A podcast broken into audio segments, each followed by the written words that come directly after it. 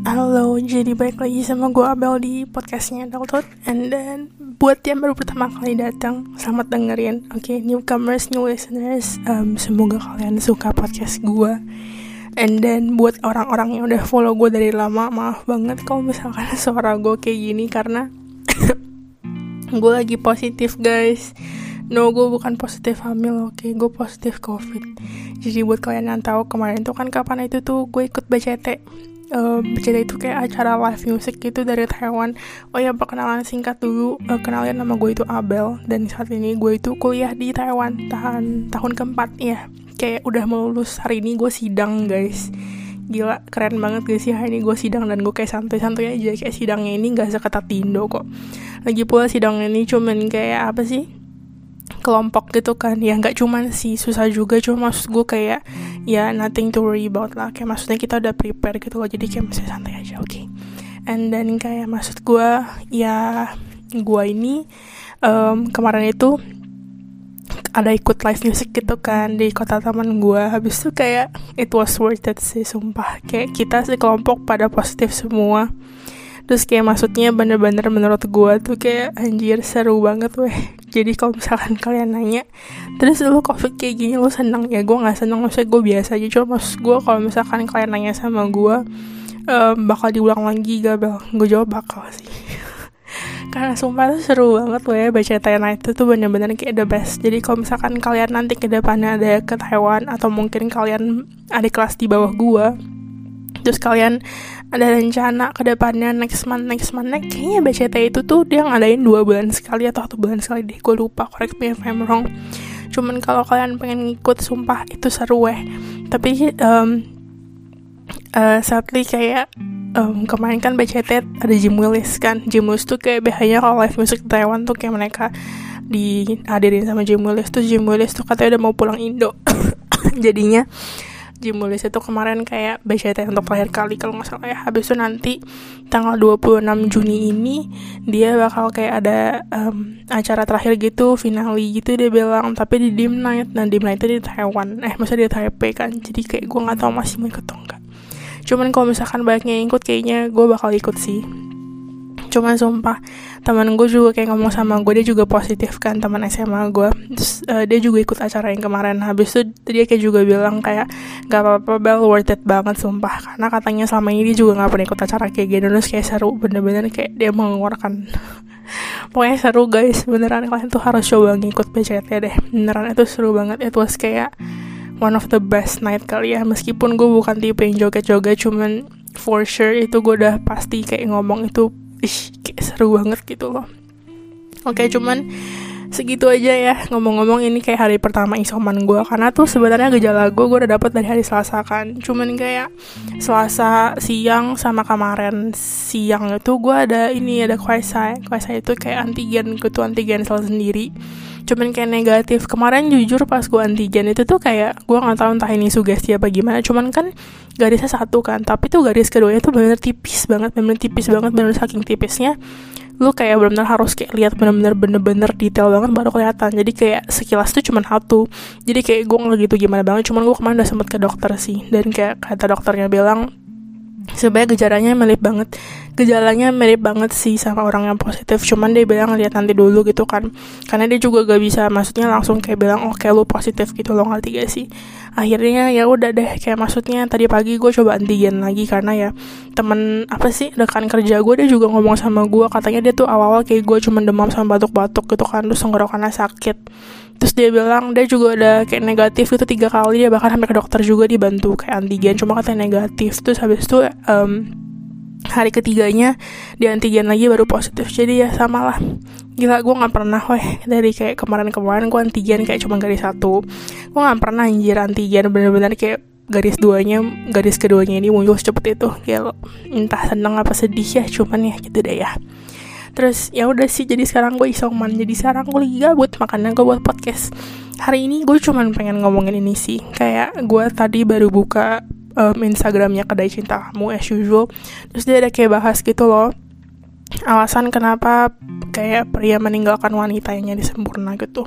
Dan kali ini gue bakal bahas itu. Oh ya ngomong-ngomong kalian ingat gak sih kemarin kapanan itu tuh gue ada bahas tentang kayak kalau cewek nembak duluan tuh kayak cewek confess duluan tuh kayak gimana? Kalian tau gak sih?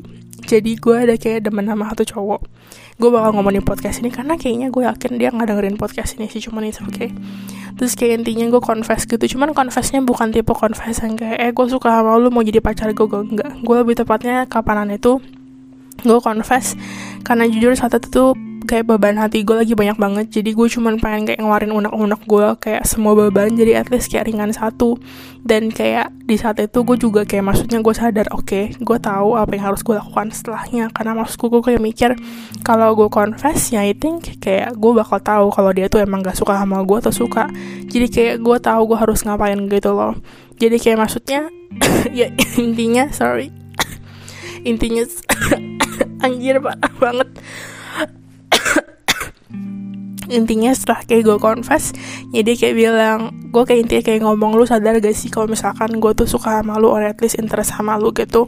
Terus dia kayak bilang dia gak ngerasa sih dan jujur dia gak sadar karena dia selama ini cuma mikir ya kita chattingan cuman kayak teman biasa aja curhat-curhatan kasih kasih saran gitu-gitu. Ya gue ngerti sih dan maybe mungkin gue yang salah di sini cuman it's okay. Kayak maksudnya kayaknya he's also one of the apa ya kayak good guys yang gue pernah ketemuin dalam hidup gue sih. Jadi jujur li gue kayak agak grateful juga bisa ketemu sama dia. Terus kayak ya udah kayak maksudnya kita sekarang ini nggak awkward. I mean menurut gue gue nggak awkward sih sama dia. Karena maksudnya gue juga bukan suka sama dia yang banget banget gitu loh. Bukan kayak yang bener-bener udah dalam banget. Gue cuma kayak sempet baper aja gitu loh. Ngerti gak sih dan kayak kapan itu gue juga sempat curhat sama dia dan dia tuh responnya masih kayak usual. Jadi I guess ya yeah, we're okay maybe ya.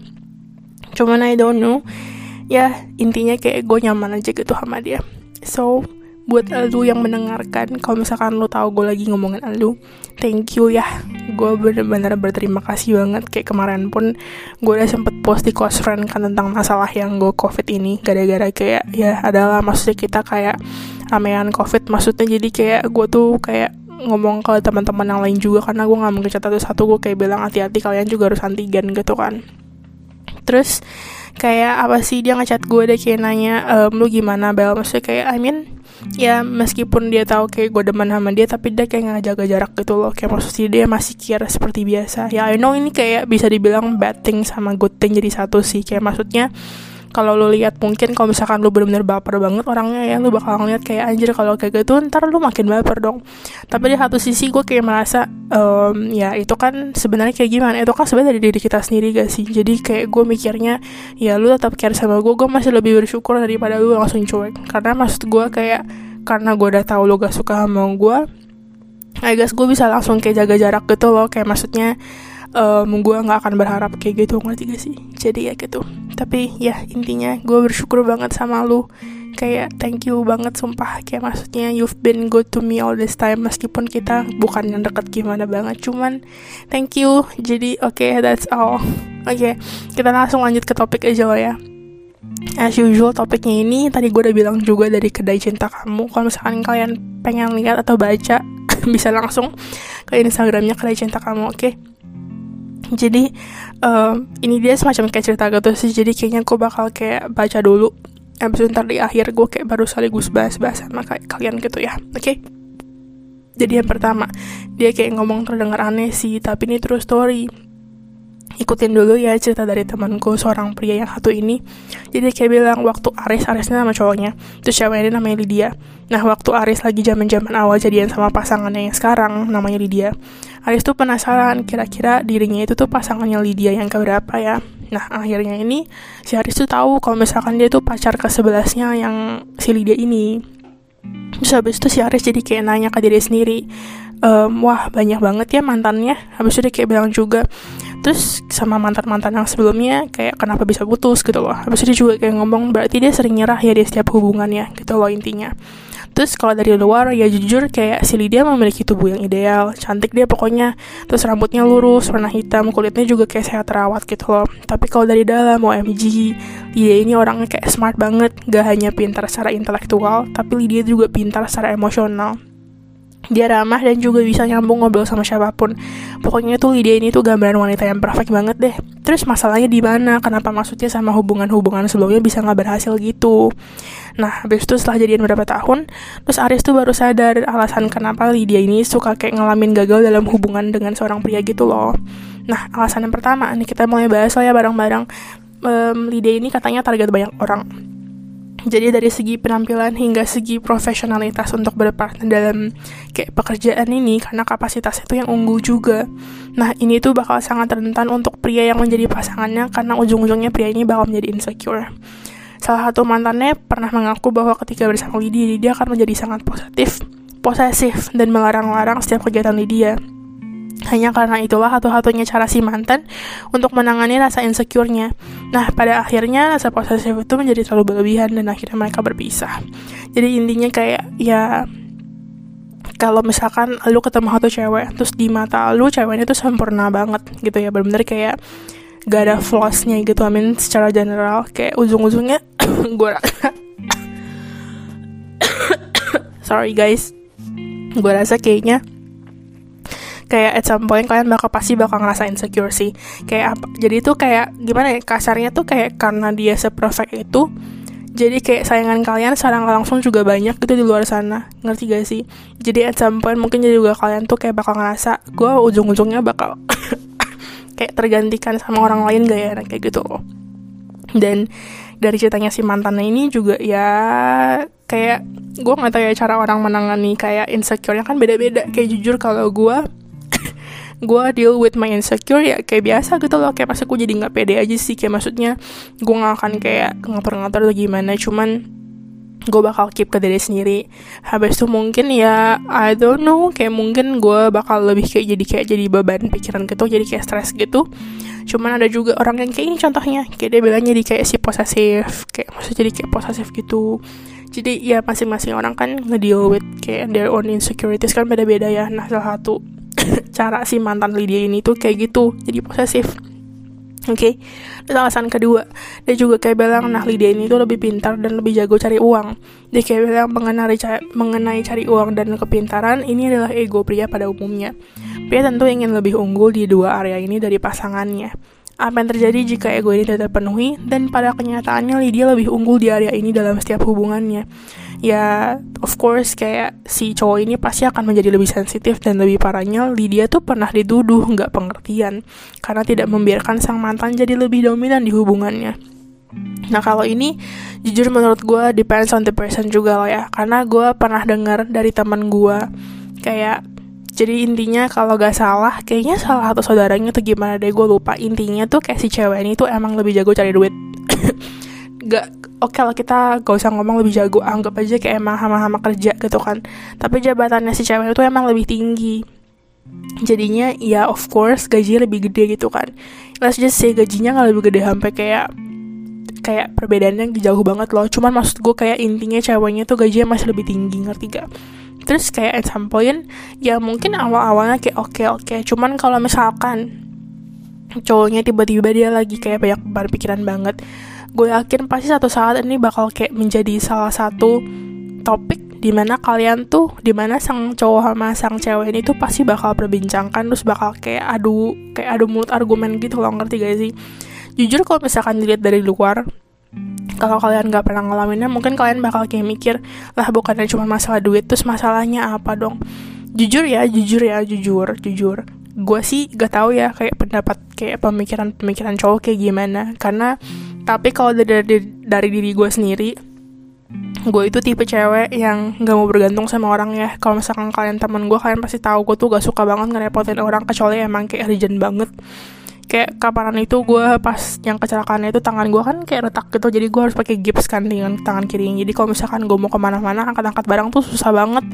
Dan kayak ada ada kelas gue yang satu gedung sama gue dia tuh kayak bilang Cilu mau dibantuin apa gak dia akhirnya bantuin gue cuci baju lah gini-gini. Kayak maksud gue gue jujur gue tuh nggak mau cuman dia tuh kayak maksa ada kayak bilang nggak usah lah Ci gue bantuin aja tangan lu juga lagi kayak gitu gitu loh. Ngerti gak sih? Jujur gue tuh orangnya kayak bener-bener gak suka bergantungan banget.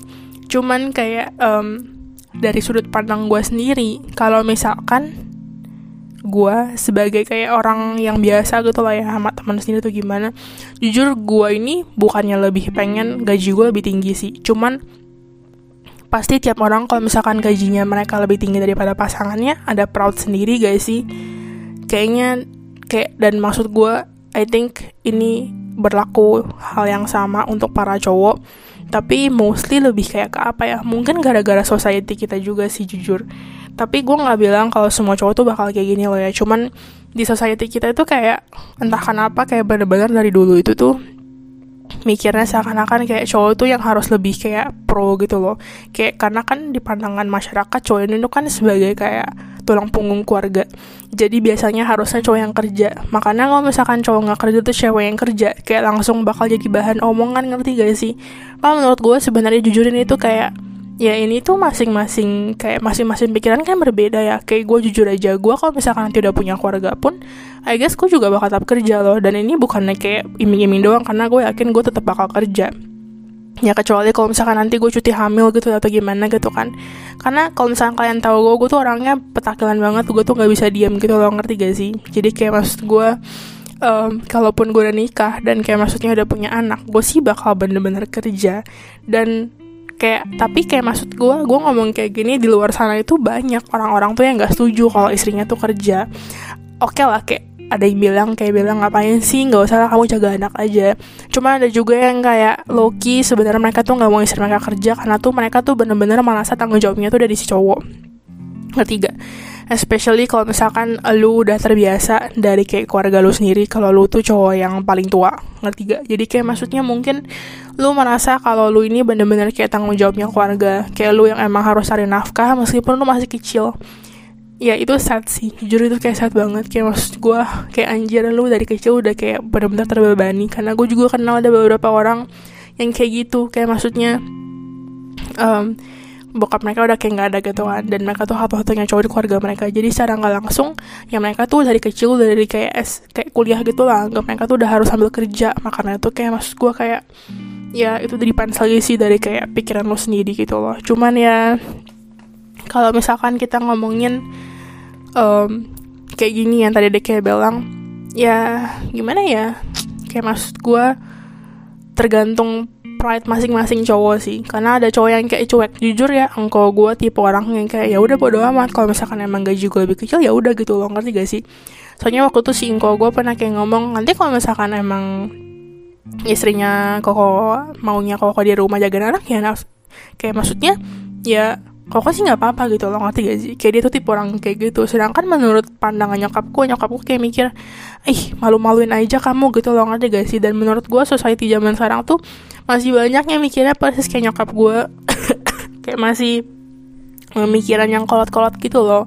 Jadi kayak maksudnya mereka tuh belum kayak mikir zaman sekarang itu tuh banyak yang udah berubah. Kayak cewek-cewek tuh udah pada mandiri. Habis itu kayak maksudnya cewek-cewek tuh bisa kayak hidup sendiri kayak benar-benar gak bergantung sama cowok gitu loh. Jadi ya I guess untuk hal ini sebenarnya depend sama masing-masing. Kayak dari keluarga kalian juga pasti beda-beda kan. Dan kayak ya gimana ya karena gue yakin di luar sana pasti kalau si untuk Lydia ini ya kalau misalkan emang ternyata dia ketemu pasangan baru lainnya dan cowoknya gaji lebih kecil gue yakin someday dia pasti kayak ketemu cowok yang gak peduli tentang gajinya kalau misalkan gaji cowoknya lebih kecil. Mungkin emang sih kalau ditanya sama orang-orang mungkin kalian bakal merasa malu kayak anjir lu masa sebagai cowoknya lu gaji lebih kecil sih gini-gini? Cuman ya mau gimana men? Maksud gue kan kayak tiap orang karirnya beda-beda Gak mungkin dong kayak lu bener-bener menjilat bos lu banget untuk kayak demi naik pangkat habis itu naik gaji gitu. Maksud gue kayak selama kerjaan lu halal, selama kerjaan lu kayak ilegal I guess that's okay gak sih? Cuman ini kan menurut gue ya, jadi gue gak tahu menurut kalian gimana. Cuman kalau misalkan kalian ada beda pendapat silahkan ngomong di kolom komentar. Maksud gue di Instagram gue boleh kok kolom komentar sih Berasa Youtube aja, iya Oke, okay, that's it. Habis yang ketiga, dia kayak bilang katanya needy Kayak bilang terlepas dari menjadi mandiri dan cerdas, seorang wanita juga memerlukan bahu untuk bersandar ketika ia lemah. Ada waktu di mana ia hanya meminta pasangannya untuk menemaninya selama seminggu. Walau hanya satu jam aja untuk bertemu dan mendengar cerita yang sama berkali-kali. Itu aja. Sayangnya, hal ini dianggap terlalu berlebihan dan Lydia dibilang terlalu klingi, needy, dan wanita stres. besokannya pria itu memutuskan untuk meninggalkan Lydia nah um, jujur ya kalau ini gimana ya? I guess semua orang itu butuh affection ya karena jujur right now juga ini gue lagi di titik di mana kayak gue bener-bener merasa kayak gue tuh butuh affection banget. Apalagi kayak maksud gue gue sekarang ini kayak beban pikiran lagi banyak banget masalah kerjaan lah belum lagi sekarang gue covid. Jujur gue gak gitu pentingin covid sih kayak maksud gue gue kena ya udah bodo amat kayak I don't give a fuck sorry banget tuh say that. Cuma maksud gue kayak it's not something yang gue pikirin sampai stres banget. Gue lebih stres mikirin kerjaan. Kayak maksud gue ke depannya gue kayak gimana bener kayak nggak ada gambaran sama sekali. Dan kayak maksud gue namanya juga cewek ya gue rasa cowok pun juga kayak gitu sih. Cuman mungkin cowok anggapannya gimana ya? Kayak mungkin mereka masih lebih kuat ngerti gak sih? Meskipun gue tahu sebenarnya luar sana ada cowok juga sih yang kayak uh, lemah gitu. Maksud gue kayak sama kayak kita sensitif banget gitu loh. Cuman mostly cewek itu yang lebih lemah oke? Okay? tapi gue bukan ngomong kayak gini dalam arti kayak anjir lu semua lemah. Karena gue sendiri juga lemah oh ya jadi kayak maksud gue kayak jujur gue ada masalah dikit gue tuh kerjanya nangis dan gue tuh orangnya cengeng banget. Gue tuh orang kayak sensitif banget. Kayak waktu tuh temen gue cerita curhat gitu loh dia nangis kan. Terus gue ikutan nangis. Gue tuh sesensitif itu sama orang gue nggak tahu kenapa cuman benar-benar gue tuh orangnya sesantai itu. Jadi terus gue langsung kayak nangis habis dia kayak nanya balu kenapa ikutan nangis? Gue kayak bilang sedih banget gue kayak gitu. Terus kapanan juga temen gue ada yang kayak nanya meninggal kan. Dia nggak nangis cuman dia cerita tapi gue yang nangis gue karena gue tuh kayak merasa anjir kita jauh di sini dan gue tuh kayak bisa kebayang gimana caranya kalau misalkan ternyata keluarga gue tuh ada yang meninggal dan gue tuh gak bisa balik demi mereka gitu loh ngerti gak sih? Oke okay, jangan bahas yang sedih-sedih. Terus ya udah kayak maksud gue pasti tuh setiap orang tuh ada suatu saatnya di mana tuh mereka kayak needy. Dan menurut gue needy ya kayak kelingi itu itu normal ya menurut gue karena jujur gue sendiri juga kelingi apalagi kalau misalkan gue lagi down banget. Cuman kalau untuk mantan asli dia ini gue menurut gue dia itu kayak parah sih dia kayak terlalu berlebihan gue rasa. Seminggu setiap harinya sejam aja itu itu dikit banget loh benar-benar dikit banget loh benar-benar sejam doang loh kayak maksud gue lu sibuk apa sih sampai-sampai menurut lu satu jam itu kayak sampai menurut lu over banget? Satu jam itu tuh benar-benar dikit banget loh. Sumpah benar dikit banget. Lu mendingan ketemu tiap hari tapi sejam-sejam aja minimal lah ya. Maksudnya bukan minimal sih at least sejam-sejam aja. Atau lo mendingan ketemu kayak satu hari sampai tiga hari. Cuma sekali ketemu seharian. Gue sih mendingan tiap hari yang satu jam ya gak sih? Cuman ya itu sih tiap orang masing-masing beda lah ya. Dan kayak maksud gue makannya kayak lo itu harus benar-benar ketemu pasangan yang mengerti lo gitu. Ya sama lah kayak gue dengan mantan mantan gue kapan itu juga mantan gue kayak bilang gue kelingi lah. Cuma maksudnya dia masih kayak bodo amat sih. Kayak maksudnya dia karena dia tahu gue kelingi jadi dia kayak ya udah gitu. Lo ngerti gak sih? Ya jadi kalau untuk masalah needy sih jujur gimana ya? Lydia ini menurut gue dia nggak salah sih karena maksud gue namanya juga cewek kayak semua orang butuh perhatian gak sih? Emangnya lu mau kalau misalkan lu sebagai cowok pun lagi sakit tuh cewek lu nggak peduli nggak mungkin gak sih? Ada saat-saat juga pasti di mana kayak lu tuh pasti bakal jadi clingy gitu loh correct me if I'm wrong. Cuman gue juga pernah ketemu kayak siapa ya? Oh ada mantan gue dia waktu tuh kayak lagi tipsi gitu loh.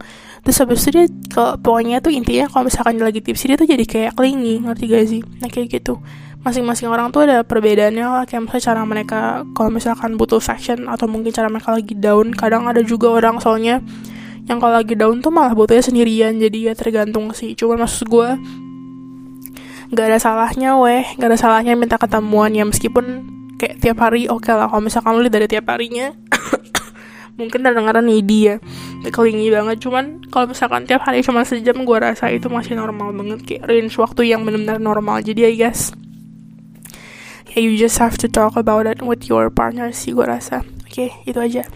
Dan then terakhir di sekedar cinta kamu ini kayak ngomong bayangkan kombinasi dari seorang Lydia wanita yang katanya bikin insecure insecure bla bla bla insecure tidak pengertian klingi dan stres. Ya wanita seperti Lydia ini adalah ancaman bagi pria yang mementingkan egonya saja. Terimalah pasanganmu satu paket dengan kelebihan maupun kekurangannya. Karena dengan menerimalah kita bisa mulai melihat kesempurnaan yang didiamkan oleh orang lain betul Nah intinya kayak gitu sih. Jujur ya ini benar juga sih. Intinya kayak selida ini kan sebenarnya nggak salah ya. Karena maksudnya seperti yang gue udah bilang berkali-kali Cewek itu juga butuh affection. Dan ya kita ada saat-saat tertentu di mana kita bakal bakal bener-bener membutuhkan orang banget ngerti gak sih? Terus ya mungkin si mantan ini salah gara-gara ini tadi dia bilang mementingkan egonya aja gitu loh. Jadi ya itu guys intinya kayak kalau misalkan gimana ya? Kayak kita kadang memandang orang ya kayak anjir si ini tuh cakep banget si ini tuh kayak sempurna banget. Kayak oke okay lah let's just say contoh paling gampang.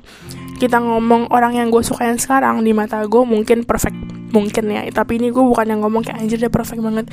Gue yakin dia juga pasti ada kekurangan. Kekurangannya mungkin kadang dia cuek. Habis itu kadang dia kayak tipe orang yang kayak I don't give a shit. Ngerti gak sih?